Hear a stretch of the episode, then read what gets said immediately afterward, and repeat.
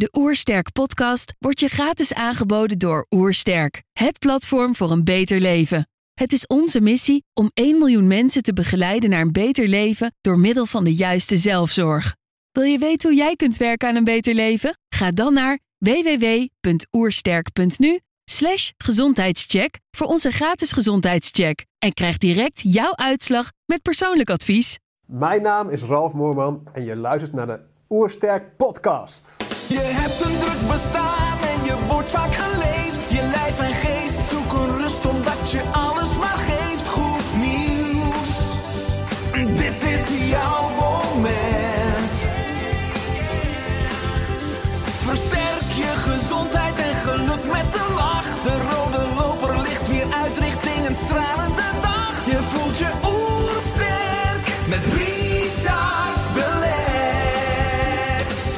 zijn hier in Heemskerk voor een podcast met Ralf Moorman. Ralf is ingenieur levensmiddelentechnologie, spreker, docent en expert op het gebied van voeding en hormonen. Hij is ook auteur van meerdere boeken. Ik ben benieuwd naar zijn tips voor een beter leven. Trouwens, geniet je van onze podcast? Abonneer je dan en laat een reactie of review achter. Zo help je ons om het gezondheidsvirus te verspreiden. Let's start! De Oersterk Podcast. Een ontdekkingstocht naar een beter leven. Ralf, welkom. Ja, voel me ook zeer welkom. Leuk, leuk bijgekletst te hebben daarnet. Absoluut, absoluut. Ja, eventjes eh, misschien voor de luisteraar en kijker. De techniek werkte net niet mee. We zijn inmiddels al ruim twee uur samen. Dus we hebben net Ja. eh, een wandeling gemaakt door Heemskerk. Eh, weer even kunnen bijkletsen. En eindelijk is de techniek ook zover dat de podcast kan starten.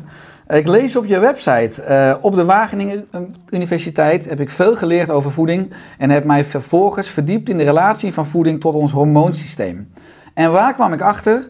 Veel klachten zijn gerelateerd aan onze hormonen en op te lossen met het veranderen van onze voeding. Je buikje, energiedips, slechte huid en menstruatieklachten.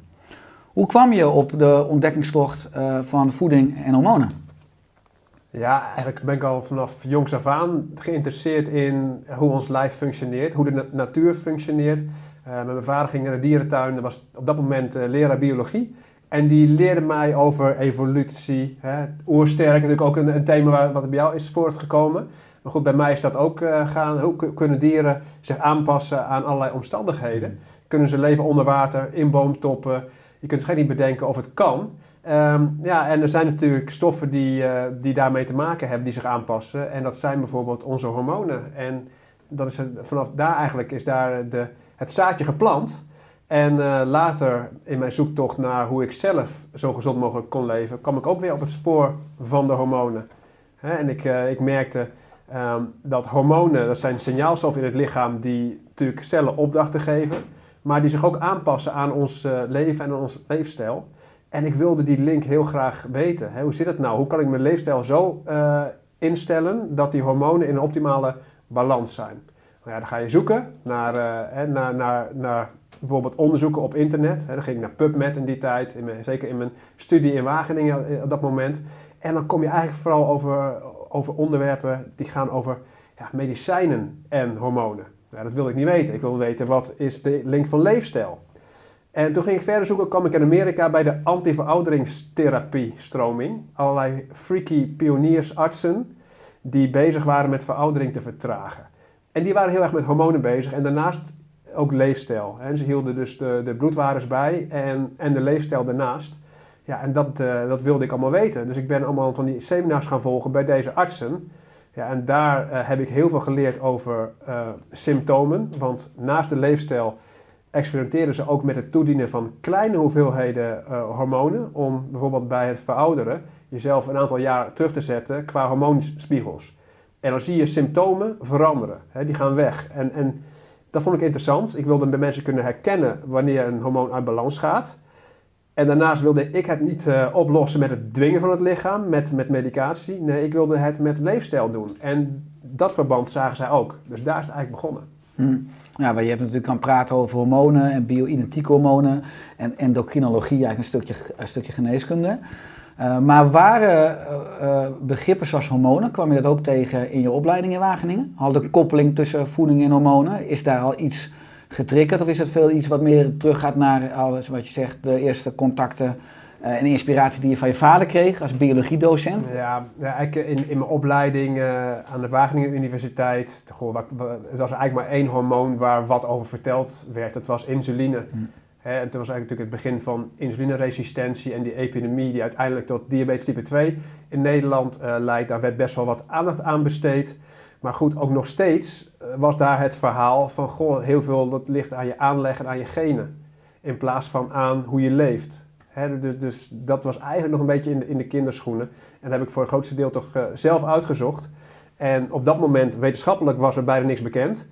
Toen ben ik dus in die, die freaky stroming terechtgekomen.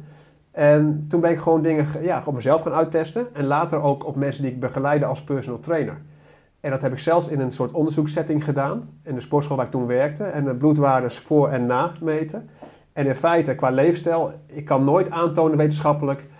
als ik één ding verander in iemands leefstijl... wat het voor effect op hormonen heeft. Maar wel als ik aan tien knoppen ga draaien... Hè, logische dingen die je volgens natuur ook zou doen... dan zie je de hormonen verbeteren. En dat zag ik dus ook in die, in die bloedwaardes. Dat is uiteindelijk het hormoonfactorconcept geworden. Daar is natuurlijk een, eh, toen een boek eh, over uitgekomen, heb ik toen geschreven. 2009. 2009 inderdaad. En daar heb ik toen best nog wel wat kritiek op gehad, omdat veel nog best wel eh, ervaring was uit de praktijk in plaats van echte harde wetenschap. Alleen nu zitten we al meer dan tien jaar later en ja, bijna alles wat, je, wat ik daar toen zag in de praktijk is nu wetenschappelijk wel aangetoond. Dus dat is wel heel grappig. Ja, je liep eigenlijk een aantal jaar voor Ja. als pionier. Eh, je maakt in de hormoonfactor en je concept ook eh, gebruik van een driehoek. Eh, je hebt het over goede voeding, je hebt het over stressmanagement en je hebt het over de juiste manier van sporten. Hoe kwam je bij deze driehoek? Ja, ook gewoon vooral eigen ervaring. En, en eigenlijk wat, wat ik op mezelf uitgetest heb, dat is wel erg bijzonder. Want ja, veel, veel vragen kreeg ik vanuit mijn cliënten. naar hoe kan ik een zo laag mogelijk vetpercentage krijgen en een zo hoog mogelijke spiermassa? Ja, ben ik eerst, eerst mezelf gaan uittesten. Wedstrijd ingeschreven, natural bodybuilding. Dus helemaal ingeolied in een klein broekje op een podium moest ik staan. Ook, met, ook rond de kersttijd, ook belachelijke tijd. Hè, want dan met drie- 3% vet te staan terwijl het buiten gewoon vriest. Maar ja, goed, daar heb ik me toen voor ingeschreven. En eh, dat heb ik een aantal keer gedaan en een aantal methodes geprobeerd. En toen kwam ik er echt wel achter eh, dat die driehoek heel belangrijk was. Wanneer ik bijvoorbeeld hè, met, met training niet genoeg varieerde, had ik geen resultaat. Ehm, als ik bijvoorbeeld te veel stress had en er kwamen dingen tussendoor, dan ging mijn resultaat achteruit. En daarnaast ook binnen mijn, binnen mijn voeding eh, ook veel aanpassingen eh, gedaan. En uiteindelijk heeft me dat ook een beetje van het ouderwetse caloriedenken eh, afgebracht. Hè, want op dat moment, ik heb op een gegeven moment op mijn beste shape gestaan. Toen ik eigenlijk meer calorieën eh, at en minder verbruikte met mijn cardiotraining eh, dan die keer daarvoor. Met andere woorden, het was me gelukt om die calorieën niet in mijn vetmassa te, te krijgen, maar in mijn spiermassa. En ook daar zitten weer hormonen tussen. Dus, dus vanaf daar ben ik ook weer meer op die hormonen gaan focussen. Ja, ik kan me voorstellen in de context van bodybuilding dat, dat je met leefstijl vrij radicaal moet zijn met deze pijl. Ja. Want het draait dan echt om, om percentage, om details. Eh, qua de hormoonfactor maak je mensen bewust dus over de belangrijke rol van onze hormonen en hoe ze samenhangen met nou, voeding en leefstijl eigenlijk in een breder perspectief. Wat is nou nog het grootste misverstand eh, wat mensen over hormonen hebben? Ja, eigenlijk wat veel mensen nog steeds denken is dat, dat hormonen iets is wat je lichaam doet en er zitten genen onder en daar heb je zelf weinig invloed op. Nou goed, dat heb je dus ontzettend, eh, heb, je, heb je dus wel. Eh, en daarnaast zei ik al in mijn studie ging het vooral over het hormoon insuline. En in mijn concept gaat het er echt wel over eh, negen hormonen. Hè, dus er zijn nog veel meer hormonen eh, waarmee je met leefstijl wat mee, mee kunt doen. En in de afgelopen tien jaar zijn er heel veel mensen op mijn pad gekomen eh, die ook hormonale klachten hadden. En die naast de het medische specialisme ook eh, complementair wilden werken vanuit leefstijl. En daar hebben we ja, gigantisch mooie resultaten bij bereikt. En daarnaast ook mensen die eigenlijk nergens last van hadden. En, en die ook volgens, eh, volgens dezelfde manier gingen leven en, en daar veel resultaten uit, eh, uit haalden. Of het dan door hormonen kwam of niet. Dat maakt in principe niet zoveel, eh, zoveel uit. Het is gewoon het logische nadenken met het hormonen als een soort van, van model wat je gebruikt. Ja, dat, dat, dat werkt voor bijna iedereen. Nou, het is een eh, enorm eh, flexibele kapstok Ja, waar je enorm veel aan kan hangen en eigenlijk alles eh, vanuit kan aanvliegen. ja precies. Je bent enorm flexibel. Eh, nou, je bent auteur. Je eerste boek kwam uit 2009. Toen nog een hele andere tijdsgeest als je het hebt Ja. over voeding en leefstijl. Eh, je bent spreker. Nou, kom zo op. Je hebt je eigen opleiding, je hebt, pro- je hebt producten. Maar je bent ook personal trainer. Wat zijn je ervaringen ook als personal trainer? Was het ook letterlijk voor jou een speeltuin dat je alles kon testen en experimenteren met hetgene wat je later weer in je concept kon integreren? Nou, kijk, eh, wat je met name me- merkt, hè, als, als jij eh, onderzoeker bent bijvoorbeeld. Hè, er zijn veel mensen, ook uh, Wageningen, die zijn, doen studies naar wat nou de meest gezonde leefstijl is die er is. Dan, dan mis je praktijkervaring. En wat je dan ook mist, is, is sowieso dat iedereen anders is. Hè, en je gaat, gaat toch naar maatwerk in een personal training. En je merkt dat er niet alleen maar de discussie is over wat de optimale leefstijl voor die persoon is, maar ook hoe gaat die persoon dat inpassen in zijn leven en volhouden. Hmm. Hè, dat, ik merk dat toch, dat toch een heel belangrijk uh, thema is. Want wat ook, hè, je kunt wel onderzoek gaan doen en uh, iemand het eten door een luikje als een rantsoen aangeven. Maar goed, als je iemand loslaat in de obesogene omgeving waar we in leven, dan hebben we een heel ander vraagstuk. Mhm. Hè, en dat is toch wel het, een groot verschil met wat ik eigenlijk in de onderzoeken vroeger las en wat ik als personal trainer ervaren heb. Ja. Want hoe kijk je daarnaar? Wat je nu eigenlijk aanstipt, is dat uh, je eerste boek kwam uit in 2009, dus al 11 jaar verkondig je een boodschap. Uh, heb je het over die belangrijke leefstijlpijlers, wat misschien verschilt in nuances op basis van 2009. Maar heel veel mensen weten het wel. En ook een boodschap die wij vanuit Oersterk verkondigen. Mensen weten het wel, maar mensen doen het niet. Of het lukt mensen niet om het duurzaam vol te houden qua gedragsverandering. Hoe kijk jij naar uh, gezond leven, dus nu in de moderne maatschappij? Nou, het is ook grappig dat je dit, zegt. Hè? Dat is natuurlijk hormoonfouten kwam uit in 2009. Inmiddels tien jaar uh, hebben we even, even een grote update gemaakt van dat boek. En er is ook een hoofdstuk bijgekomen, het eigen Guru Masterplan. Echt een hoofdstuk over gedragsverandering. En ik weet nog wel, 2009 was ik echt nog vooral bezig met mensen de ideale leefstijl voor te spiegelen en kennis over te dragen. In plaats van het coachen naar gedragsverandering. En dat thema, dat kan ik in beperkte mate in het boek uh, doen. Um, in online programma's kun je dat iets beter doen, want dan kun je mensen opdrachten geven met een werkboek en dan week na week iets laten doen. En in personal coaching kun je, kun je dat natuurlijk nog veel beter. Eén op één. Ja, één op één. En het is met name, hè, je gaat natuurlijk, als je het eigen Guru Masterplan bekijkt, het eerste wat je wil weten is wat is de diepste motivatie van een persoon. En kun je die ook in dit gesprek en in de coaching uh, versterken.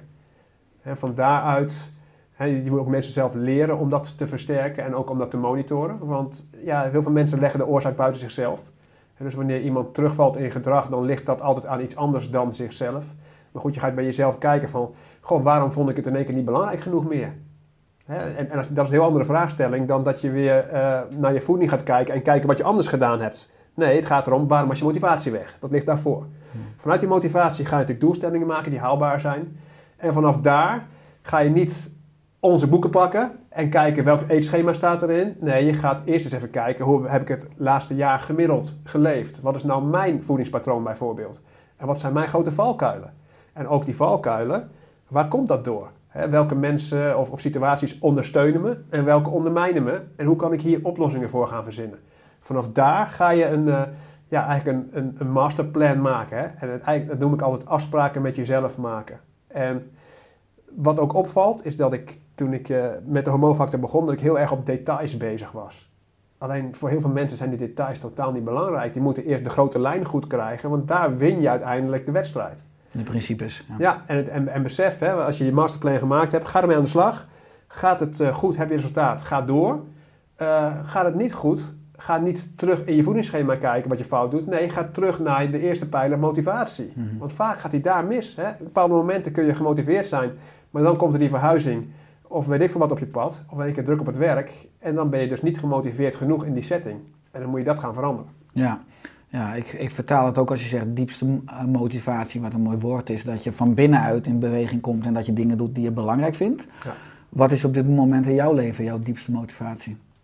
Ja, we leven een, een rare tijd. Tijdens we deze podcast opnemen, we zitten ook al flink ver uit elkaar. Het coronatijdperk. Ja. Het coronatijdperk, dat is, vind ik een interessant uh, tijdperk. Maar ook, ja, ik kijk natuurlijk om me heen. Dat mensen nu totaal, hè, als ze over hormonen hebben, uit homeostase, uh, uit een homeostase gebracht worden. En een nieuwe balans moeten gaan vinden. En een nieuw leven moeten gaan, vinden. Waar hormonen dus zich gaan, uh, gaan aanpassen. Nou ja, voor mij is dit eigenlijk ook wel een, een tijd van, van bewustwording uh, op dit moment. Het, is bij mij zelfs zo, ik, ik, ja, qua motivatie op gezond leven, ik ben intrinsiek gemotiveerd vanaf jonge leeftijd. En ik, ik weet alleen beter wat de optimale leefstijl voor mij is door die zoektocht naar mezelf aan te gaan. Dus in feite, ja, ik, de situatie die er nu is, is voor mij een reden om nog gezonder te leven. Mhm. Dus ik ben nu eigenlijk weer nog gemotiveerder dan dat ik normaal ben. Ik heb nog meer tijd en meer aandacht ervoor. Dus ik zal net nog even iets vaker op de mountainbike springen, iets vaker trainen en eh, ja, nog iets gezonder eten waarschijnlijk. Ja. Terwijl bij een ander kan dit weer totaal tegenovergestelde betekenen. Ja. ja, want ik ken je iemand die, eh, die eh, ja, met hart en ziel eh, de hormoonfactor en eigenlijk ook voeding en leefstijl uitdraagt. Nou, je bent ruim tien jaar bezig. eh, waar je enorm veel ervaring hebt opgedaan. Je bent ook nooit te beroerd geweest de afgelopen jaren, maar af en toe op so- social media ook eens even lekker jouw boodschap te ventileren op basis van allerlei Ja. populistische of vaak ook eenzijdige boodschappen die je hoort in de media. Wat is nou het, het gekste wat je in die ruim tien jaar hebt meegemaakt? Oh, nou, daar kan ik hem. dat zei al net, hè, we hebben natuurlijk net gesprek doorgesproken. Ik kan er wel eh, een boek over schrijven. Want in, in al die jaren, ja goed, eh, je ziet dat de consument verandert, het koopgedrag verandert. Ik heb natuurlijk ook producten in de supermarkt liggen. Ik merk daar is ook ruimte voor dat, dat er een grotere, steeds grotere, groep ontstaat hè, die, die eh, anders wil leven. Maar dat we in de media nog steeds professor Catan horen die alles wat met gezond leven eh, te maken heeft platwalst. Hè? Of een andere Martijn. Katan, ja. eh, die dat doet. En dat, dat, dat blijft me dus inderdaad in al die jaren fascineren. Dus in feite is wat dat betreft er niet veel veranderd.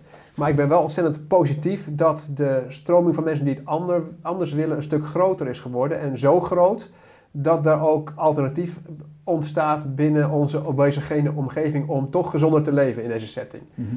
En dat is natuurlijk erg, erg mooi. En heel veel dingen, ja, afgelopen jaren. Goh, ik heb natuurlijk veel concepten zien komen en gaan, moet ik ook, eh, ook zeggen. En ik weet nog wel, eh, toen jij begon. dat was ook wel een eh, inderdaad bijzonder moment. Want jij zit inderdaad ook op zo'n mooi kruispunt van... aan de ene kant studeren hè, om arts te worden... en aan de andere kant eigenlijk aan de oorzaken willen werken van het leefstijl. Absoluut. Misschien leuk om, om toe te lichten in deze context. Ja. Ik was bezig met het manuscript eigenlijk van mijn eerste boek in ja, eind 2011, begin 2012. Eh, toen was jij nou, al bekend. Hè? Je had al in 2009 je eerste boek uitgebracht, De Hormoonfactor. Ik keek tegen je op in die context dat ik eh, je een inspirator vond die al eh, met voeding en leefstijl bezig was op een manier waar ik toen van droomde. Ik heb je toen via Facebook een berichtje ge- gestuurd met, eh hey Ralf, en maar hopen dat hij zou, re- zou reageren. Eh, ik ben een boek aan het schrijven. Eh, zou je misschien tijd hebben of tijd willen maken of het leuk vinden als je daar in het voorwoord zou willen schrijven? Nou, je reageerde snel, je reageerde enthousiast, je reageerde enorm loyaal, waar ik je nog steeds enorm dankbaar voor ben dat je me toen ook enorm zo geholpen en gesteund hebt, maar ook met betrekking tot het netwerk waar je me toen met verschillende mensen liet kennismaken. En het leidde ertoe dat 12 juni 2012, dat mijn eerste boek uitkwam, Oersterk, dat ik aan jou het eerste exemplaar mocht uitreiken, maar misschien nog een stapje ervoor, want dat is misschien waar je op doelt, dat een paar maanden, anderhalve maand voor de boekpresentatie, voordat de week dat het boek naar de drukker zou gaan, toen belde jij op eh, met Samantha, je vriendin zat je toen in de auto. Jullie waren onderweg naar Zandvoort en ik had toen het idee om, de, mijn boektitel was Leven als God in Nederland. En een subeditie hier lokaal in de regio, Leven als God in de Eimond. En toen, bel, toen belde je me vanuit de auto. Ja. Ja. Ja, klopt. Want ik, hoor, ik weet nog dat je dat die naam, ik kreeg een voor, voorwoord schrijven voor leven als een god in de Eimond. Ik denk, dit wordt helemaal niks. Dus ik heb inderdaad, ik dacht van, Richard, je moet een andere naam verzinnen. Ja. En Ja. dat was inderdaad net op de valreep het nog. En je had hem zo verzonnen. Hè? Dit toen, Dat werd hoe sterk toen, ja. In, je binnen een tot een dag uur terug ja, klopt. van oersterk, bam, daar is hij. Ja. ja, toen ben ik in een uur inderdaad gaan zitten, me gedwongen met een leeg velletje en een pen om eh naar Oersterk. Maar uiteindelijk hebben we natuurlijk dat beeld met grote OER, met allerlei variaties. Ja. En toen belde ik terug en zei ik, ik heb hem, het woord Oersterk. Dus dankzij eigenlijk een belletje van, eh, van jou Samantha is, eh is het Maar zo is het ontstaan, want het was ook een hectische tijd. Hè? Je Ja. had ook zoiets van, goh, wat moet ik nou doen? Hè? Dit, dit, dat, dat artsenleven bevalt me niet, ik wil juist die levensstijl in. En, en ja, dat, dat- je hebt het boek ook vrij snel geschreven volgens mij. Ja, klopt. Je, je moest aan, een aan aantal weken, ja. ja. Ja, je had toen ook, ook geen referentiekaders. Je moest het echt eh, opnieuw het, het wiel uitvinden. Ja. En eh, nou ja, zo is het eh, grappig zo bij elkaar gekomen. En inmiddels, heb je alles onder controle. Ja, absoluut. Het gaat beter dan ooit. En eh, ik heb trouwens ook natuurlijk, ik ben vanaf het eerste boek al het boek gaan uitgeven in eigen beheer, eigen uitgeverij. Ook daar, dankzij jou en Robert, Ja. die me ook uiteindelijk de contacten gaven. Dus nogmaals dank in ieder geval voor dat. Oh ja, dat klopt. Dat is ook wel. Ja. Ja, er is veel gebeurd. En ook eh, als je kijkt naar onze weg samen. We hebben ook een aantal keer samen eh, interviews mo- mogen doen, ook in media. We mochten samen in eh, ook het tijdschrift De Linda staan in 2015. Hou op hoor. En eh, we hebben een fotoshoot gedaan, ik benoem het toch even. En ik was afgebeeld in het tijdschrift als, eh, als boerenkool. Tenminste, gefotoshopt. Jij was voor mij als artichok, als ik het goed heb. Eh, stond je goed. Eh, maar toen hadden ze als quote boven jouw artikel... eh, ze staan op uit een rolstoel gezet. En dat heb toen nog een staartje gek- gekregen. Hè? Hoe was dat toen, ook in, in Ja, 2015? nee, ik, ik ben toen echt, ik was nog niet zo heel ervaren in interviews. Ik ben er gewoon echt ingeluisterd door Linda. Hmm. Dat, dat gevoel heb ik echt. Hè. Ik, kreeg, ik kreeg de vraag van, goh, wat is nou een van de mooiere dingen die je ooit hebt meegemaakt? En natuurlijk, ik heb heel veel mensen complementair aan artsen begeleid met allerlei klachten. Eh, waaronder bijvoorbeeld MS. Dus, en en bij, MS, als je dan het, eh, het immuunsysteem rust geeft, kan het zijn dat de persoon meer energie krijgt sowieso. Dat is al een voordeel. Eh, en afhankelijk van hoe ver je zit in, je, in het stadium, kun je nog wel wat dingen, functies terugkrijgen. En er was een, een- man die eigenlijk jarenlang niet uit een rolstoel was geweest. Die lukte het voor het eerst weer om uit, uit een rolstoel te komen. Natuurlijk helemaal, hè, ook, ook met alle kanttekeningen. Het hoeft niet voor iedereen- te werken, bla bla bla. Hè, Mhm. gewerkt hoe ik het gedaan heb. Werd die quote eruit en gewoon bam boven mijn artikel geknald. En natuurlijk krijg ik gigantische kritiek daarop. En, en zonder de, de, de context mee te nemen, Mhm. was het natuurlijk ook een belachelijke uitspraak. Dus toen ben ik er echt, echt achter gekomen hoe media is. En daar ben ik toch wel erg van, eh, van geschrokken.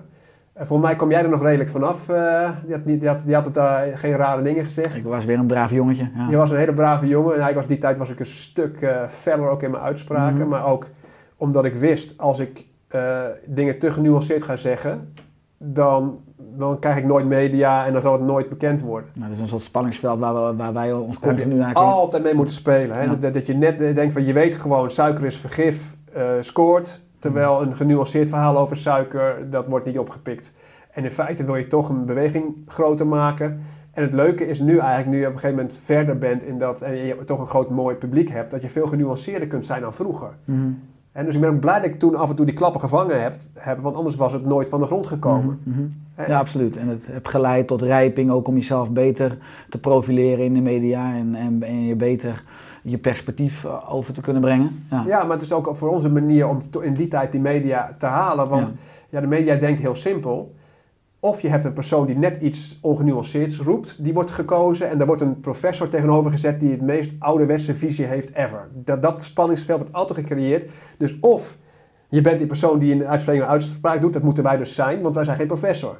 Klopt. Dus wij stonden aan die kant. Ja. En later merk je dat je toch iets meer autoriteit krijgt, waardoor je iets meer aan die kant van die professor komt. Alleen, ik merk wel, daar kom je eigenlijk nooit. Hè. Dus we zijn heel blij met onze, onze online eh, Mhm, ja, kanalen. mhm. Want de media, we zullen af en toe erin komen, maar we zullen nooit een vaste gast worden. Absoluut. En ik ben het mee eens dat het medialandschap, de ervaring die ik daarin heb opgedaan, ook niet een, een landschap is waar mensen enorm in balans zijn. Dat is zeg maar, ook een spanningsveld Ja. als je kijkt naar eh, de chronische stress zeg maar, in die wereld. Ook als je kijkt naar media en social eh, media, media. Vroeger had je televisie en had je op de bank had je een mening, maar kon je niet ventileren. Nu heeft iedereen een toetsenbord eh, in zijn broekzak.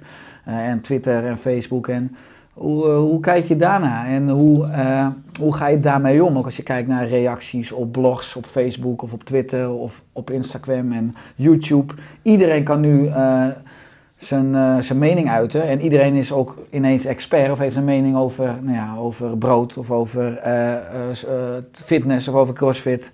Hoe is dat voor jou? Ja, nou, je merkt, hè, het mooie is dat je je eigen doelgroep gaat opbouwen. Je gaat je eigen volgersscharen creëren. En dat zijn mensen die toch wel een beetje ja, het met je eens zijn. En het is zo dat natuurlijk in de social me- media zijn er algoritmes. Eh, waardoor als ik iets roep, dat het veel meer bij eensgezinde mensen terechtkomt. Waardoor ik daar minder last van heb dat ik helemaal onder vuur ligt. Anders kom ik op tv, dan ziet ook die doelgroep mij, maar ziet een hele grote groep anderen ziet mij ook. En dan word ik gefileerd. Hm. Hè, dus dat is wel een, een groot verschil met vroeger. Vroeger was het trouwens ook zo tien jaar geleden dat op social media beetje, was je heel erg zichtbaar. Maar dus ook die grote groep die niet bij jou past, die zag je ook. Dus het zijn best zware jaren geweest, moet ik toch eerlijk zeggen. Want ik heb ook gigantisch kritiek gehad. En, en, uiteindelijk wat er opvalt, ehm, het waren of mensen die eigenlijk hun leefstijl niet willen veranderen en de, shoot the messenger, dat is één, deel. En het andere deel was eh, gewoon de persoon die jou wilde zijn. Hè, de concurrent, de conculega's die, eh, die je zwart maken. En dat is eigenlijk wat ik nu, nu gezien heb. En ik ben heel blij dat vanaf daar heb je toch een hele soort eh, groot publiek kunnen opbouwen. Mm.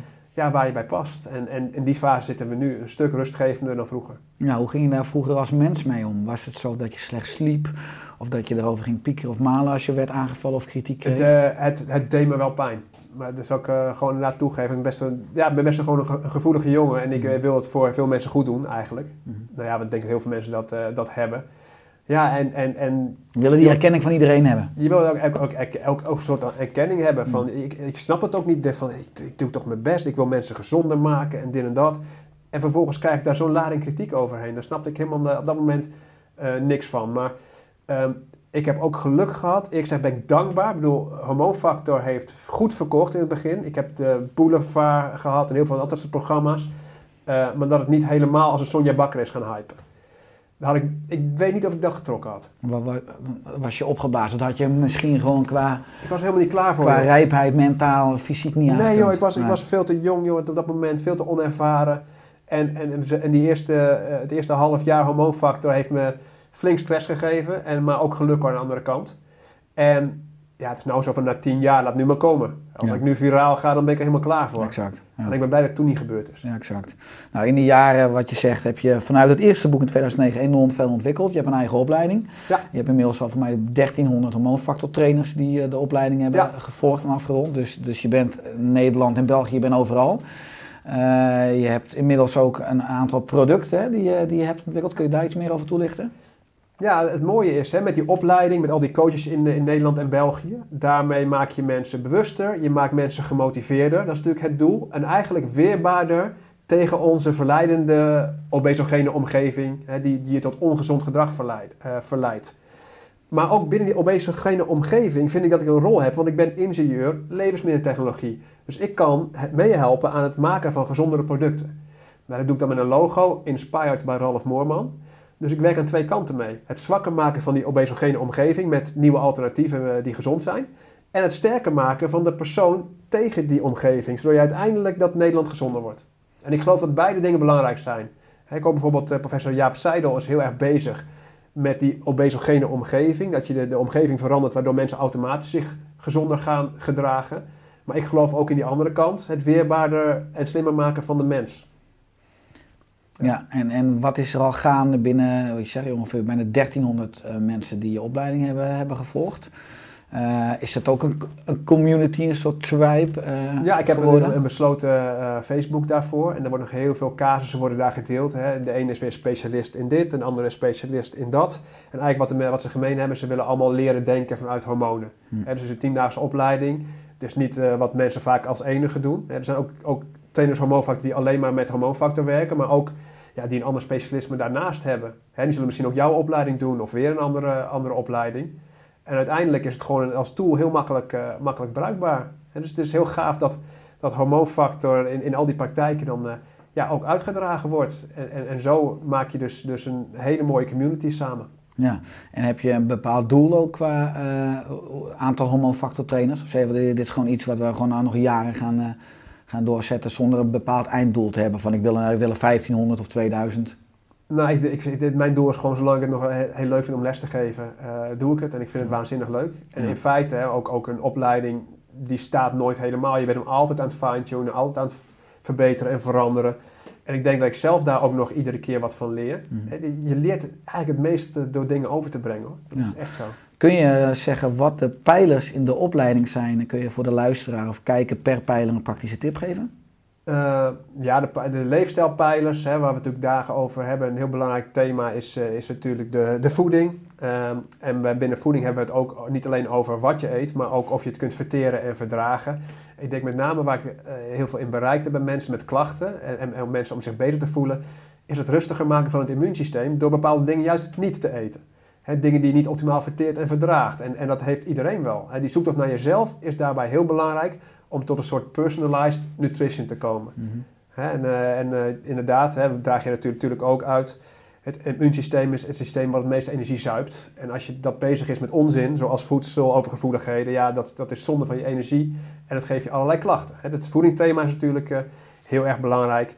Daarnaast natuurlijk het trainen. Maar en- puur als je kijkt naar voeding praktisch, hoe, hoe, kan, eh, hoe kan je dat vertalen als je nu luistert of kijkt? Wat zeg je, wat zou je meer mogen eten of wat zou je minder mogen eten? Nou goed, als, als ik merk, hè, als je in, in mijn leefstijl en de homofobische leefstijl kijkt, die, die is bijvoorbeeld glutenvrij en zuivelvrij. Omdat, omdat ik merk dat heel veel mensen daar gewoon niet optimaal mee omgaan. Sluit je aan bij wat wij natuurlijk propageren vanuit onze Ja, zaak. dat is natuurlijk vanuit, vanuit oervoeding is dat ook zo. Maar goed, dat merk ik in de praktijk natuurlijk ook. Hè.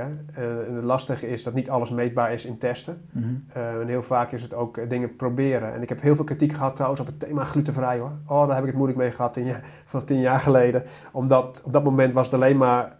hè, je had een probleem met gluten als je celiakie had, de auto-immuunziekte.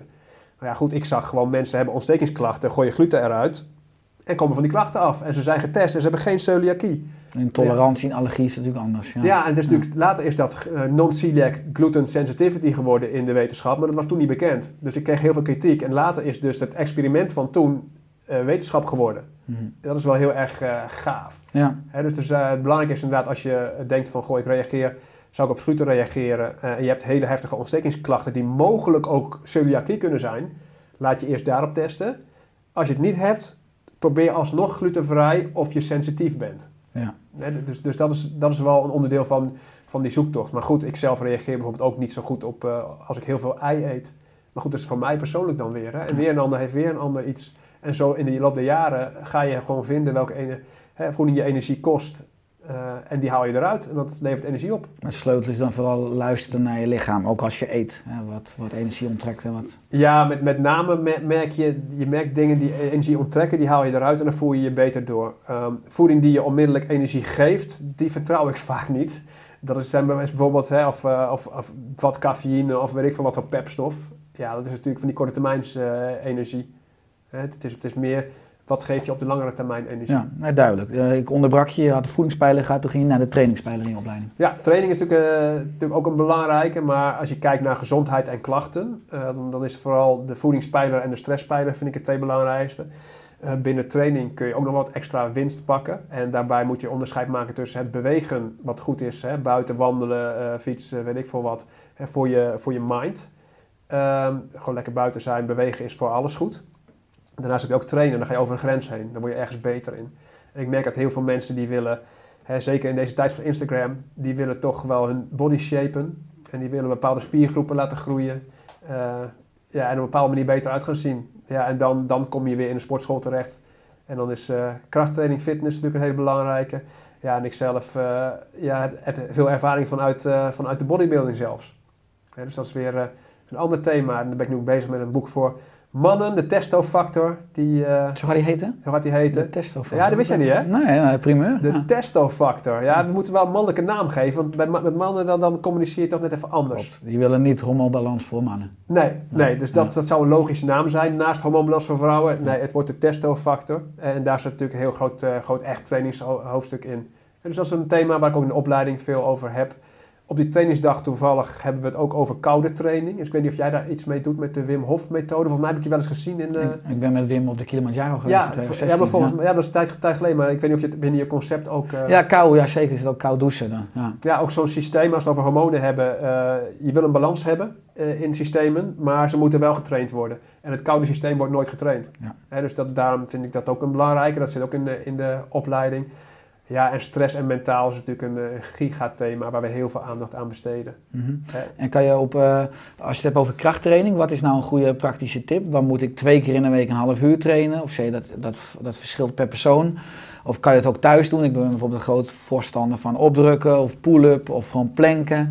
O- Of een eh, wall sit, zeker nu mensen veel thuis zitten, een aantal maanden Ja, genoodzaakt. Ja. Nee, sowieso. Hè. Zeker als mensen nu eventjes een tijdje thuis zitten, merk je dat je met eigen lichaamsgewicht heel veel kunt doen. Eh, bijvoorbeeld mensen die gewend zijn om, om zware gewichten uit te duwen, die dat nu niet meer kunnen.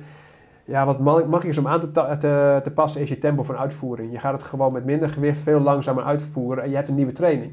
Ja. Dus, maar besef wel, ik vind het voordeel van een sportschool, ik kan veel makkelijker mijn trainingsprikkel aanpassen. Hè. Je, je, je kan meestal een maand op hetzelfde schema en dan is je lichaam het gewend. En dan, dan beweeg je eigenlijk en train je niet. Ja. Hè, dus je moet over grenzen heen gaan. Dat is natuurlijk een ontzettend eh, eh, belangrijke. En eh, ja, ik zelf over hoeveelheid training, twee à drie keer in de week. Ik ken mensen die, die bijna iedere dag trainen, maar die bewegen iedere dag. Komen ze achter. Hè, want heel veel mensen, kijk, als je de fout maakt als je niet vooruit gaat in training, ligt heel vaak aan de trainingsprikkel die het lichaam al lang gewend is en niet aangepast wordt. Dat is meestal wat ik zie. Daarnaast wat je ook ziet is dat eh, mensen niet genoeg herstellen. Dus overtraind zijn. Mm. Dus het, het zijn twee hele belangrijke thema's. En natuurlijk komen daarnaast thema's bij zoals voeding en noem maar op. Hè. Dus, dus er zijn heel veel dingen. Ja. Maar dit zijn wel de twee belangrijkste. Ja, en hoe kunnen mensen, je derde pijl zei je stressreductie, hè, ook, ook mentaal, hoe kunnen Ja. mensen daar praktisch voor zorgen dat ze meer ontspanning en Ja, kijk, als je echt heel diep op stress van mensen ingaat, dan ben je natuurlijk met een stresscounselor bezig en heel, heel, ja, heel erg aan het doorgraven in het leven. Mhm. Maar goed, als je denkt praktisch, goh, wat kan ik nou snel gebruiken, is gewoon de vraag, wat geeft je energie, wat kost je energie en daar keuzes in maken. Maak een A4'tje, Ja, doe een lijn in het midden en schrijf links alle dingen op waar je energie van krijgt en rest dingen op. Dan is dat het eerste bewustwordingsinstrument. ja precies. En op een gegeven moment ga je ook denken van, goh, waarom geeft dit me energie? Hé, hey, waarom kost dit me energie? En dan ga je ontdekken ook wat je passie is en dat soort dingen. Ja, En dat is al heel interessant om, om te beginnen. En ik, hè, vaak gaat het niet om hoeveel iemand werkt, hoeveel uur die maakt. Het gaat er echt om van, valt het binnen je passie of niet? ja. Dat is wat ik zie. Ik, ik tra- train mensen die soms, soms ja, zeven dagen per week werken, helemaal in balans zijn. Hè? Ja, dat is in principe wat die Franse boeren ook zeggen. Franse boeren die werken gemiddeld 100 uur in de week. En die zeggen altijd al, je wordt van hard werken ga je niet, niet dood, maar van stress. Die boeren hebben geen stress, die doen alles op een akkertje. Hoewel veel boeren in de huidige tijd wel weer wat stress hebben door corona. Tuurlijk, maar ik denk, hè, als je dingen binnen je passie doet, dat, dat, dat, Ja. dat, het- dat je daar beter eh, van in balans komt dan op de bank liggen. Ja, maar hoe, hoe, doe je dat qua je eigen energiemanagement? Ik bedoel, eh, ik weet ook van mezelf, maar ook van jou de eerste jaren dat we niet 40 uur in de week werkten. Met andere woorden, het was va- vaak Zo. meer. Of je bent er altijd mee bezig, Ja, zeker op je veel. hoofd. Hoe zorg je zelf voor je eigen balans? Ja, op dezelfde manier eigenlijk. Hè? En, en ik, ik zie met name eh, het in de gaten houden wat je energie geeft. Besef dat de eerste jaren zijn nieuwe, nieuwe dingen een uitdaging. En op een gegeven moment is er geen uitdaging meer. En dan moet je nieuwe uitdagingen hebben. Ehm, hè, wat ook be- belangrijk is, wat ik laatst gedaan heb. Ik ben eh, laatst weer naar eh, seminars geweest van, van die, die anti-agingsartsen. Dat was tien jaar geleden dat ik daar in die, die zaal zat. In Las Vegas, hè? En ik ben even naar Las Vegas gegaan, inderdaad. Ik heb weer vol in die zaal gezeten. Met andere woorden, ik moest zelf weer geïnspireerd worden. Want mijn Mhm. passie viel weg. Mhm. Dus, dus dat moet je voor jezelf monitoren. Dat, dat, dat, dat is ook nooit klaar. Wat bracht het je, Las Vegas? Eh, nou, inzichten. En, en wat me ook opviel, dat er ook best wel wat artsen zijn die eigenlijk een beetje in hetzelfde eh, loop zijn blijven lopen en zich nog niet echt ontwikkelen. Heel veel, ik zit eigenlijk ook te kijken naar, naar bepaalde mensen. Je bent of, je kunt vanuit de helikopterview kijken naar gezondheid, of je bent een tunnelvisiepersoon. En ik merk dat er heel veel mensen die op een gegeven moment bezig zijn met hormonen en dus eigenlijk stofjesdenkers worden, dat die tunnelvisies gaan, eh, een tunnelvisie gaan krijgen. En dat zag ik toch vrij veel gebeuren. En, en dat is ook voor mij weer een eye-opener. En ik van, goh. En ik dacht aan mezelf, jeetje, Ralf, wat heb je jezelf eigenlijk goed ontwikkeld. Hm. dus dat was voor mij ook wel een, eh, Een mooi een compliment. mooi moment. Ja. Ja. En heb je ook nog daar een inzicht gehad waarvan je denkt, ah, dit is echt weer fantastisch geniaal, wist ik niet. Ga ik gelijk integreren in mijn opleiding of in mijn boek of in mijn concept? Nou, ik, dat ga ik nog niet. Ik ga dingen volgen. Ik ga dingen volgen zoals groeifactoren, waar veel, veel dingen mee gedaan worden eh, in de anti-agingswereld. Eh bijvoorbeeld eh, groeifactoren waarbij slechte cellen weggeruimd worden. Dat zijn mogelijk anti-verouderingsdingen. En dan kom je wel op het vlak, goh, vind ik het interessant om het lichaam te dwingen daarmee? Of blijf ik toch echt bij de natuur? Maar zijn het groeifactoren of groeihormonen die je lichaam zelf kan aanmaken als je met leefstijl uitdaagt? Of zijn Nee. het externe factoren? externe factoren. En, Ja. en dat is op zich kan dat interessant zijn eh, bij bepaalde kwalen en ziektes. Hè? Dus dat is op zich wel heel mooi. Waar- Waarbij je op een gegeven moment leefstijl, op een gegeven moment toch met lege handen staat en denkt van hé, hey, het is handig dat ik in ieder geval dit weet. Zodat je mensen toch gericht door kunt sturen naar andere eh, methodes dan de symptoombestrijders van alleen maar pharma. Ja. Dus, dus daar zijn zeker veel ontwikkelingen eh, gaande en dat wil ik gewoon, eh, gewoon weten. Ik vind het gewoon interessant en ook wel weer, ja, interessant, maar ook wel weer freaky. Dat je als mens zoveel kennis kunt ontwikkelen dat je eigenlijk bijna de rol van de schepper over gaat nemen. Dat je, dat je gewoon die code kraakt. Mhm. En dat is wel heel bijzonder. Ja, het is natuurlijk ook nu ook een tijdperk waar, zeker als je kijkt naar het uiterlijk van mensen, waar we heel veel kunnen doen. En ook met Ja. plastische chirurgie of met botox of ook nou, wat je zegt met bio-identieke hormonen. Zo. Hoeveel mensen zijn er niet, ook in ons land, die ik ook in mijn praktijk heb gehad, die enorm veel eh, nou, hormonen slikken of smeren of spuiten. En, eh, wat ook niet allemaal vrijblijvend is. Eh, Nee, dus ook licht, altijd licht experimenteel. Ja. Want natuurlijk wat je daar ziet, je ziet dat mensen die kunnen met groeihormonen hun eigen haarkleur soms weer terugkrijgen eh, en huiden, huiden weer wat strakker trekken en, en noem maar op. Eh, alleen, ja, je kunt nooit alles zien wat er in het lichaam gebeurt. Hmm. Dus er blijft altijd een, een soort experiment, blijft het ook wel weer. Hè. Ja, je, weet niet of je een backfire krijgt en, en met het ene middel is langer ervaring dan met het andere middel. En dan ga je vervolgens kijken van, goh, eh, wat voor klachten hebben mensen gekregen en, en zo kun je zelf je risico in gaan schatten. Ja. Ja. Ja, het wordt, het kan- wordt misschien wel een beetje een filosofische discussie, omdat je als je kijkt naar de maakbare mens of de maakbare wereld, dat het natuurlijk voor mij de essentie is. Waar draait het nou werkelijk om in het leven? In mijn optiek draait het om voldoening, wat voor mij losstaat van uiterlijk, hoe je eruit ziet. Ook al ben je totaal verrimpeld, eh, dan kan je hartstikke knap zijn en aantrekkelijk als je, als je dat zelfvertrouwen of als je die voldoening uitstraalt. Eh, maar heel veel mensen hebben natuurlijk ook te maken met eh, innerlijke issues, wat ze uiterlijk proberen te compenseren.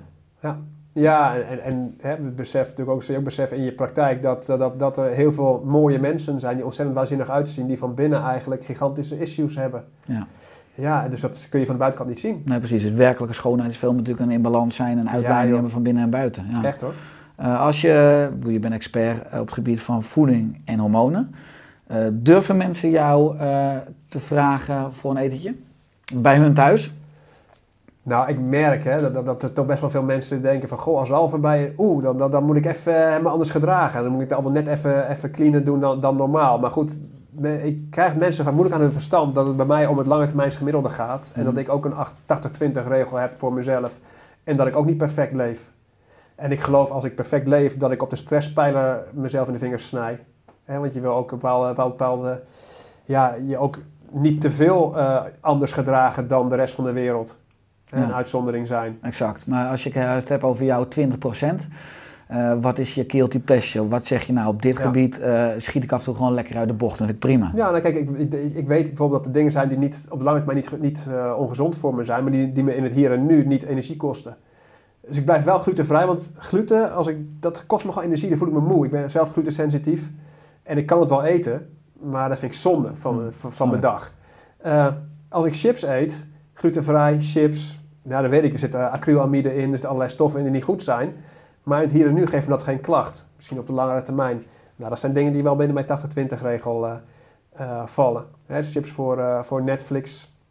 Moet ik wel zeggen, dan compenseer ik het wel weer van oké, dan gooi ik mijn koolhydraten in de avondmaaltijd omlaag. Omdat ik weet, ik ga s'avonds Netflix en het is mijn chipsavond. Ja, dus je compenseert dan eh, op de dag. Ja, dus ik, ik, ik zet dat meteen recht, ja. En dit, dit is zelfs op vakantie ook zo hoor. En als je lopend bevetten hebt, dan ben ik iemand die de eerste, eerste bord vol met groenten gooit om mezelf een beetje te vullen. En daarna, zo, ik mag alles pakken wat ik wil en dan valt het heel erg mee. Ja, exact. Nog steeds Ja. in balans. En je bent personal trainer. Heb je zelf ook wel eens dagen of weken zoals nu? Misschien kan je nu geen training geven dat je, wat je zegt, een week eh bank hangen naar Netflix kijkt. Ja, dat doe ik inderdaad nu, nu veel meer. Hè, maar maar je, zit jezelf altijd een beetje te, te monitoren vanuit de helikopter. Hè? Mhm. Zo kijk ik naar mezelf. En, en het gaat er mij al- alleen maar om eh, hoe is mijn jaargemiddelde. Mhm. En eh, beperkt mijn leefstijl me nu in bepaalde dingen. Ik, denk, nee, ik voel me, voel me echt hartstikke goed. Ja, en misschien is het gevaar ook waar wij dan soms mee te maken hebben, wat ik ook herken, is dat mensen soms naar ons kijken alsof wij perfect zijn. Hè, wij hebben alle twee een, een concept en een merk en eh, dat mensen de illusie hebben dat, dat wij 100% wat, wat misschien per definitie onmogelijk is Ja. of, of niet goed is of eh, ongezond is. En als mensen denk ik een dag kunnen meelopen in ons leven, dat ze ook gelukkig zullen zien dat we gewoon mensen zijn. Ik denk wel absoluut met gezonde routines en gewoontes, waardoor de balans overal gewoon goed is. Maar verder leef je natuurlijk wel gewoon in de 21ste eeuw. Ja, tuurlijk. En, en hè, het, het lastige thema is, is stress. Hmm. En natuurlijk, natuurlijk, iedereen wordt op een bepaalde manier belast met dingen waar ik niet mee belast wil, wil worden. En zeker in deze tijd. Hmm. Het geeft, geeft ook wel stress. Ik vind ook zeker de coronatijd, het geeft mij ook best wel wat stress. Het is een tijd van verandering, maar ook van, van verandering van mensen om me heen die ik zie. Mensen die bang worden en, en dat soort dingen, dat, dat, dat doet me wel een beetje pijn. Mhm. Ben je zelf bang? Absoluut niet. Nee. Nee. Want, want eh, waarom heb je geen reden om, om angst zeg maar, toe te laten? Waar, wat zijn mentale pijlers of principes waar je nu op, terugval, eh, op terugvalt? Nou, waar ik nu- nu op terugvalt, is, is gewoon eh, gezond verstand en eens eventjes weer die helikopterview pakken. Wat is er nou echt aan de hand? En eh, zeker niet te veel luisteren naar media. Media is natuurlijk gestoeld op het bang maken van mensen, want dat geeft ze weer kliks en reacties. Hè, of bang maken of boos maken, dat is wat in de media gebeurt. Dat is waarom ik eigenlijk de, ik de media niet graag meer, meer wil halen. Mhm. Want, want als ik de media haal, betekent dat ik of mensen boos maak met iets te roepen wat, wat, wat waar anderen niet mee eens zijn. Of ik maak ze bang door eh, te zeggen van eh, suiker is vergif of, of eh, dit moet je niet eten, want dan krijg je dit en dit. Mhm. Dat is eigenlijk een wereld waar ik niet bij wil horen. Nou, dus er is te weinig podium in de media voor eigenlijk het echte, complete verhaal. Nee, dat precies. is eigenlijk niet interessant qua dat het mensen... Nee, Triggert. dat, dat vind je echt buiten de media. Ja. Ja, en dat geldt nu ook bij binnen die coronacrisis of weet ik veel wat we nou eh, hebben. We, hebben- we zijn eerst bang gemaakt voor de, voor, voor de wereld die in brand stond in Australië. Dan, dan word je bang gemaakt dat het, eh, dat het straks eh, zoveel graden warmer wordt en dat, we- dat we daar aan kapot gaan. En nu hebben we weer een virus en het houdt gewoon niet op. Hmm. En ik neem het in media ook echt wel kwalijk hoor. Want ik, bedoel, ik ken het spelletje al, al, al heel veel jaar. Zeker wanneer je er wat meer op gefocust bent. En ja, ik, ik vind dat ze best wel een keer een backfire mogen krijgen hiervan. Hmm. Wat is je... We hebben nu ook weer, wat ik zeg, relatief eh, rust om ook eh, dingen te overdenken. En eh, wat is je ambitie voor aankomende 1, 2, 3 jaar? Komen er nieuwe producten bij? Ja, nou, ik heb nu net een, een, een soort medische basiskennisboek gemaakt met een aantal collega's. Gezond? Ja, het is Van gezond van, van kop tot teen. Ja. Met uh, Juklen Zwaan doet mee, Pascal Naas en Nienke ja, Hottenbos? Nienke, Nienke Gottenbos. En daarnaast nog een eh, heleboel andere experts die meegewerkt hebben aan het boek.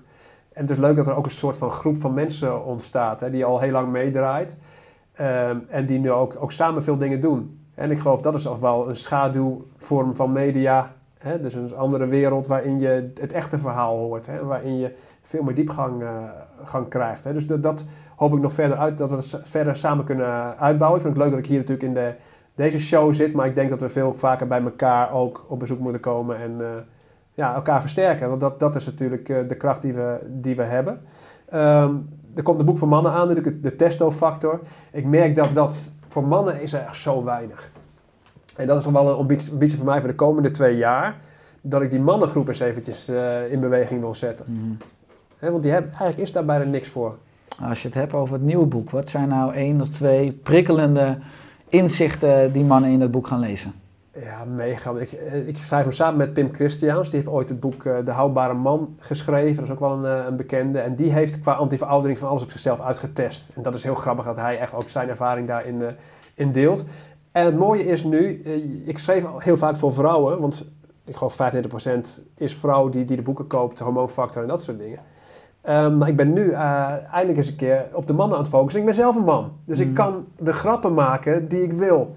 Zonder na te denken van, oeh, kan ik dat wel maken, die grap? Dus ik, ik ben nu ook in mezelf, ik geef mezelf helemaal bloot. En we hebben het ook naast de basisdingen in het boek, hebben we ook allerlei mannenklachten uitgelicht. En dat zijn er ook veel meer dan je denkt, hè? Natuurlijk, als je ouder wordt, eh, prostaatproblemen, libido wat achteruit gaat, penislengte, hoeveel kun je ejaculeren. Je kunt ze gek niet bedenken, of mannen googelen erop. En dan denk ik, oké, je hebt het er niet over, maar als je op googelt, dan komt het in het boek. Maar heb je het over een penislengte die verandert? Nee, maar gewoon dat, dat, dat, dat een verhaal over hè, of je invloed hebt op je, op je Oh, penislengte ja. en dat soort dingen. En, en ook wat gemiddeld is en dat soort issues. Maar ook onze eigen eh, issues daarmee en, en, en verhalen. En, en als, er dan, als er op gegoogeld wordt, is het interessant. Ja. Dus dan eh, heb ik dat natuurlijk uitgezocht samen met Pim. Ja, maar er zijn op dit moment weinig, of geen boeken van, specifiek op mannen en hormonen. Nee, precies. Dus Ja. dat is ook wel, eh, wel heel erg eh, interessant. Is het boek ook echt verboden voor vrouwen? Nou, je zou Komt er een, eh, een button op? Ja, dat, dat, dat, dat dacht, dachten we inderdaad wel aan. En eigenlijk is het niet geschikt voor vrouwen. Het gaat wel heel ver in bepaalde dingen. Hè, zoals bijvoorbeeld hebben we het over testosteron. Ja, als je testosteron zo hoog mogelijk wil hebben, moet je niet monogaam zijn en het liefst niet getrouwd. Als je naar onderzoeken kijkt. Ja. Nou, dat is gewoon een statement, dat staat er gewoon in. We, Dus- gewoon- we zijn gewoon eerlijk. In de bijlage heb je een scheidingsformulier toegevoegd. Ja, Ideetje. Eh, en, en, en uiteindelijk, als je, eh, nou, je bent 44 lentes jong, wat hoop je nou over zes jaar? Hè? Als je straks een halve eeuw op deze wereld ro- rondloopt, wat hoop je dan bereikt te hebben? Ja, ik ben eigenlijk al best wel tevreden. En mooi, nee, mooi. Nou, ik ben al tevreden over wat, wat nu in de laatste tien jaar eh, bereikt eh, is. We hebben net het jubileum gehad en dan, eh, dan geef je zo'n lezing en dan zit je terug te kijken en denk je, jeetje, wat hebben we toch veel gedaan in, in al die, die jaren. En ik denk eigenlijk, hè, als ik eh 50 ben, zou ik het heel mooi vinden als ik nog veel meer heb kunnen doen aan dat deel van, van die obesogene omgeving, om die zwakker te maken en, en ook daarmee te werken aan oplossingen. Lekkere, makkelijke producten die ook nog eens een keer gezond zijn. Zonder zonder eh, allerlei eh, dingen die, die niet transparant, eh, transparant zijn. Ja, Mhm. en, en ik denk dat ik daar ook heel veel, heel veel van mijn energie naartoe zal gaan. Want dat is ook natuurlijk logisch, hè? want we, we, hè, we schrijven allemaal over gezondheid. Maar ik ben die jongen die dan weer ingenieur levensmiddeltechnologie is uit Wageningen. En dat is een deel, goh, dat moet ik dan doen. Ja, Mhm. dat is mijn, mijn expertise ook. Ja, als je het hebt over die obesogene leefomgeving, eigenlijk, waar we continu verleid worden om de verkeerde keuze te maken. Denk je dan dat die revolutie, net als jij nu van onderaf, eh, zeg maar alleen maar sterker wordt? Of geloof je ook dat die revolutie mede van bovenaf, politiek, bedrijfsleven, dat, dat gaat heel traag natuurlijk en misschien Ja. een beetje in onze optiek te traag.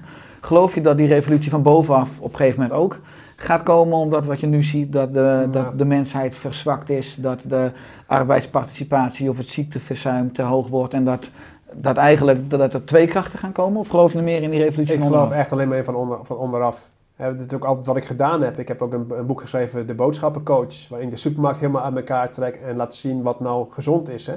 Ehm, de paaltjes in de supermarkt. Nou ja, goed, het grappige is dat je daarmee de vraag eh, beïnvloedt. En een bedrijf gaat pas reageren als de vraag groot genoeg is. Eh, en ook, ook de politiek gaat pas reageren als er vraag is vanuit, vanuit de bevolking en er geld te verdienen valt. En die vraag moeten wij van onderaf zo groot mogelijk maken.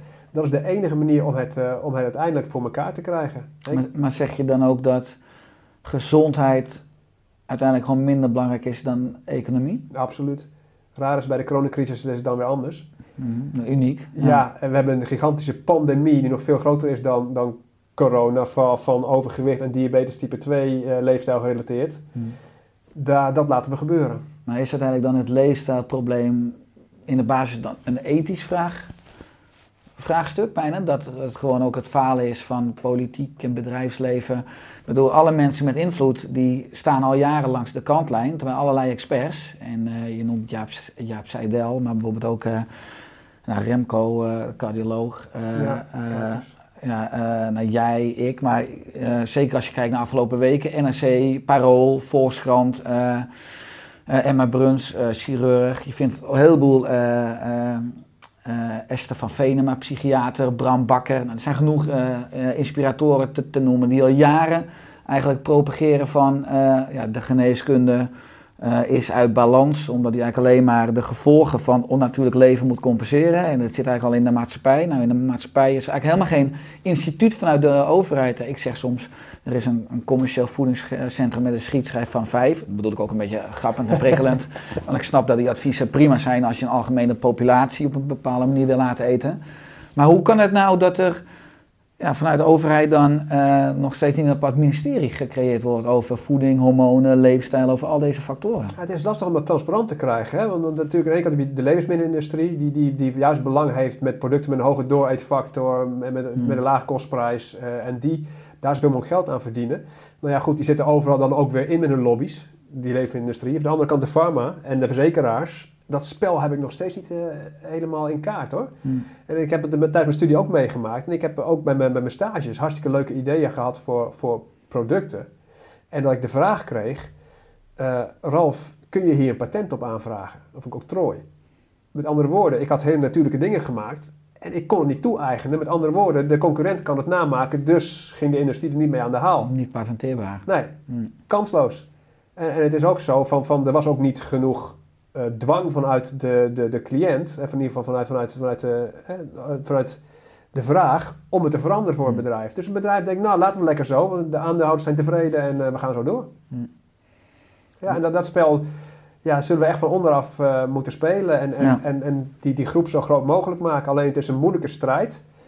Hè, tussen het korte termijnsgeluk van al die snacks waar ze de hele dag door mee eh, gek gemaakt worden en dat gezondere product. Dus ook binnen dat gezondere product zoek ik natuurlijk naar producten ja, die in de buurt komen van dat Ja. Die, andere product, die geluksbeleving. van die geluksbeleving. Hoewel je kan ook misschien kan stellen dat heel veel mensen verslaafd zijn natuurlijk aan onnatuurlijk bewerkt voedsel. Ja, precies. En ook, ook dat, hè, dat, dat, dat de wetenschappers hun best doen en, en, en suikerunie en weet ik veel wat, om te laten zien dat het geen lichamelijke verslaving is. Mhm. Hè, wat niet onderzocht wordt Ja. is de combinatie van suiker, vet, zout, mondgevoel, eh, kleur, geur, eh, Mhm. smaak. Je kunt het niet bedenken. Ja. Hè, en dat, dat, dat geeft die petstofjes juist eh, Ja, en Ja. de natuurvoeding, als je alleen maar natuurvoeding had gehad, hadden we dit probleem nooit gehad. Nee. Eh, Krijg je aanvragen bijvoorbeeld vanuit ziekenhuizen? Ralf, kan je ons helpen om de kantine of juist ook de maaltijden die we in ons ziekenhuis hè, op de afdeling ver- verspreiden, om dat te Ja. optimaliseren? Vaak wel eens een combinatie met een lezing. En gewoon kijk eens inderdaad naar, naar eh, de voeding die, die in de kantine ligt. Ik merk wat daar het grootste thema is, wat meestal is, is dus een keuze tussen een veel te karige, gezonde optie en een de vette hap. Hm. En daar zit niet iets tussenin wat ook lekker verzadigd is en een lekker gevoel geeft. Hè. Je, bedoel, je kunt met zilvriesrijst en weet ik veel wat voor combinaties gewoon een heerlijke maaltijd maken die gezond is. Alleen hebben ze weer de salade naast die vette hap gezet. Dat is meestal wat ik, eh, wat ik zie. En dan moet de keuze naast die vette hap staan die eigenlijk dezelfde voldoening bijna geeft, maar dan gezonder is. En daar moet je uiteindelijk in, eh, in gaan spelen. Al merk ik ook binnen de ziekenhuizen dat ik een aantal keer een podium heb, eh, heb gehad. En vervolgens dat ik ook wel eens meemaak dat ik ergens geboekt word binnen een, eh, binnen een ziekenhuis. En dat er dan weer een of ander iemand vervolgens dat tegen gaat houden, waardoor mijn boeking niet meer doorgaat. Omdat hij ergens heeft gelezen dat ik eh, niet volgens het voedingscentrum werk en weet ik veel wat. Omdat ze dan bang zijn voor gezichtsverlies, omdat je iemand die niet mainstream is, daar zijn verhaal laat doen. Dus dan werd de opdracht weer geannuleerd. Dat, dat eh, is geen uitzondering. Maar eh, in principe is het natuurlijk fascinerend dat heel veel kennis gewoon op tafel ligt. Maar dat het eigenlijk relatief traag doorgevoerd wordt, zeker ook in essentiële instanties. Maar dan heb je natuurlijk weer te maken met al die misschien al die managementlagen. En er zijn natuurlijk ook heel veel verschillende meningen en visies. Ik bedoel, iedereen. eh, En ego's vooral, ja, vergeet die niet. Ja, mogelijk is dat misschien wel een belangrijke blokkade, ja. Ja. Waar kunnen mensen eh, meer over, over jou vinden of over de opleiding vinden? Nou, we hebben de site dehormoonfactor.nl. Dat gaat natuurlijk over het hormoonfactorconcept en alles erop en eraan, de producten die erbij horen. Mhm. Daarnaast over mijzelf, ralfmoorman.nl. Ik heb twee, eh, twee sites en die zijn intussen na tien jaar wel zo mooi geworden, joh. En er staat zoveel aan blogs en informatie in. En eh, was even werken, maar het geeft nou ook wel rust. En ik Mhm. kijk, kijk ook, hè, gewoon, je hebt de boeken, maar je hebt ook de site. Dat is ook een soort boek bijna. Absoluut. Ja, dat is echt leuk. Ja, het is een enorme database aan rijkdom. Ja, en, en het is leuk om natuurlijk om eh, via social media dingen ook eh, te Ja. blijven delen. Dat zal ik ook blijven doen. Kunnen mensen je ook volgen. Is er aan het einde van de podcast nog iets wat je graag wil toevoegen? Ja, nou goed, ik ben, ik ben, ben gewoon benieuwd hè, wie, wie deze podcast inderdaad kijkt. Nou ja, wat die persoon het komende jaar gemiddeld gaat doen. Hm. En of die gemotiveerd is om dat ook beter te gaan doen dan het afgelopen jaar. Ik denk dat het ook een mooi moment is, zeker eh, in, in deze tijd van een, eh, een virus waarin het land even stilstaat. eh om dat een nieuw begin te laten zijn. En niet een nieuw begin van ik ga het vanaf morgen een bal onder water houden. Nee, ik ga nu eens even mijn afgelopen jaren analyseren van hoe heb ik het nou gedaan. Mhm. En vanaf daar kijken, wat wil ik anders? Mhm. En dat is denk ik een mooi moment. En welke eh, feedback kan, kan die persoon daarbij gebruiken aan parameters? Zeg je van een beetje buikopvang op of kijk naar je hoeveelheid energie of naar je slaap, Ja, ik, ik denk dat dat... eh, omtrek van je biceps? ja, ik denk, denk sowieso, overgewicht is een thema. Hè, Mhm.